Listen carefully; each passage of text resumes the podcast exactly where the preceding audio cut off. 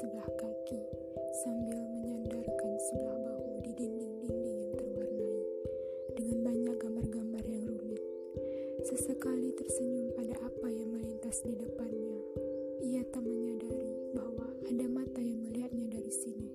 Ya, diriku yang selalu memperhatikannya sambil tersenyum sendiri. Melihat rupa yang indah yang memunculkan kembali senyuman di ujung sana yang amat kukagumi.